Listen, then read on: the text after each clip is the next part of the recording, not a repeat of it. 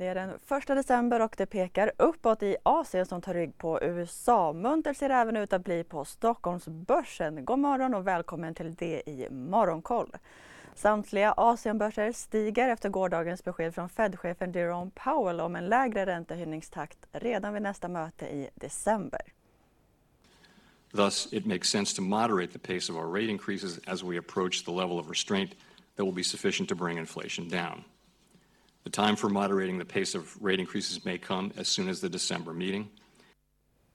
Men Powell nämnde också att sluträntan kan bli något högre än man tidigare trott. Investerare i Hongkong och Shanghai är optimistiska till att Kina kan börja lätta på några av sina strikta covid-restriktioner efter omfattande protester i landet. Bland annat så kommer Peking att tillåta vissa riskpatienter med covid att isolera sig i hemmet, vilket innebär ett stort skifte i landets covidpolitik. Detta trots att Peking just nu rapporterar rekordhöga covid-siffror. Och Kinas inköpschefsindex för industrin och tjänstesektorn steg till oväntade 49,4 i november från 49,2 i oktober. Sam samtidigt som aktiviteten i kinesiska fabriker sjönk för fjärde månaden i rad. I Japan sjönk istället industri-PMI mer än väntat till 49 från 50,7 i oktober. Kinesiska Xpeng rusade närmare 50% på New York-börsen igår trots att bolagets rapport inte nådde upp till förväntningar förväntningarna. På Hongkongbörsen är aktien upp runt 15% Så över till USA där börserna verkligen tog ett glädjeskutt efter Jerome Powells tal igår. S&P 500 lyfte 3,1% och tekniktunga Nasdaq rusade 4,4 Har du också valt att bli egen? Då är det viktigt att skaffa en bra företagsförsäkring. Hos oss är alla småföretag stora och inga frågor för små. Swedeas företagsförsäkring är anpassad för mindre företag och täcker även sånt som din hemförsäkring inte täcker. Gå in på swedea.se företag och jämför själv. Procent. Bland bolagen gick de pressande techjättarna Netflix och Meta starkt med uppgångar runt 8% Även Apple vände och stängde på plus 5 och efter den senaste tidens turbulens på kryptomarknaden kapar nu kryptobörsen Kraken medarbetarstyrka med en tredjedel vilket innebär att 1100 personer får lämna bolaget.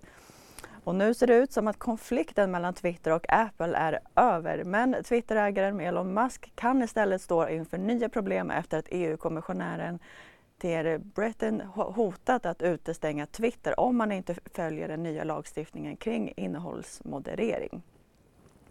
På makrofronten publicerade Fed även sin regionala konjunkturrapport konjunkturrapport, Beige Book, där utvecklingen för den ekonomiska aktiviteten i USA summerades till oförändrad eller marginellt högre sedan den förra rapporten i oktober. Så till Sverige där riskkapitalbolaget EQT förhandlar med telekombolaget Radius Global Infrastructure om ett uppköp enligt Bloomberg. Radius Global Infrastructure har ett börsvärde runt 1,1 miljarder dollar. Transplantationsbolaget Ex-Vivos styrelse har utsett tillförordnade vd Kristoffer Rosenblad till ordinarie vd med omedelbar verkan. Och fastighetsbolaget SBBs huvudägare Ilja Batljan Invest AB har stärkt kassaflödet från den löpande verksamheten under året samtidigt som soliditeten sjunker. Det framgår av bolagets redogörelse för det tredje kvartalet. Och halv nio kommer Swedbanks industri-PMI och senare under dagen får vi även industri-PMI från EMU och USA.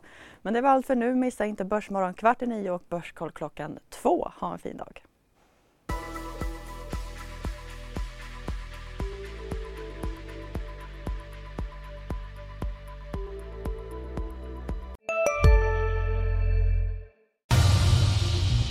Expressen gör varje vecka podden Politikrummet där vi djupdyker i det senaste och viktigaste inom svensk politik. Med mig, Filippa Rogvall, som programledare tillsammans med mina vassa kollegor. Och det är ju ni som heter Thomas Nordenskjöld, Anette Holmqvist och Viktor Bartkron. Politikrummet kommer med ett nytt avsnitt varje tisdag. Vi hörs. Hej, Synoptik här. Hos oss får du hjälp med att ta hand om din ögonhälsa. Vår synundersökning kan vi upptäcka både synförändringar och tecken på vanliga ögonsjukdomar. Boka tid på synoptik.se.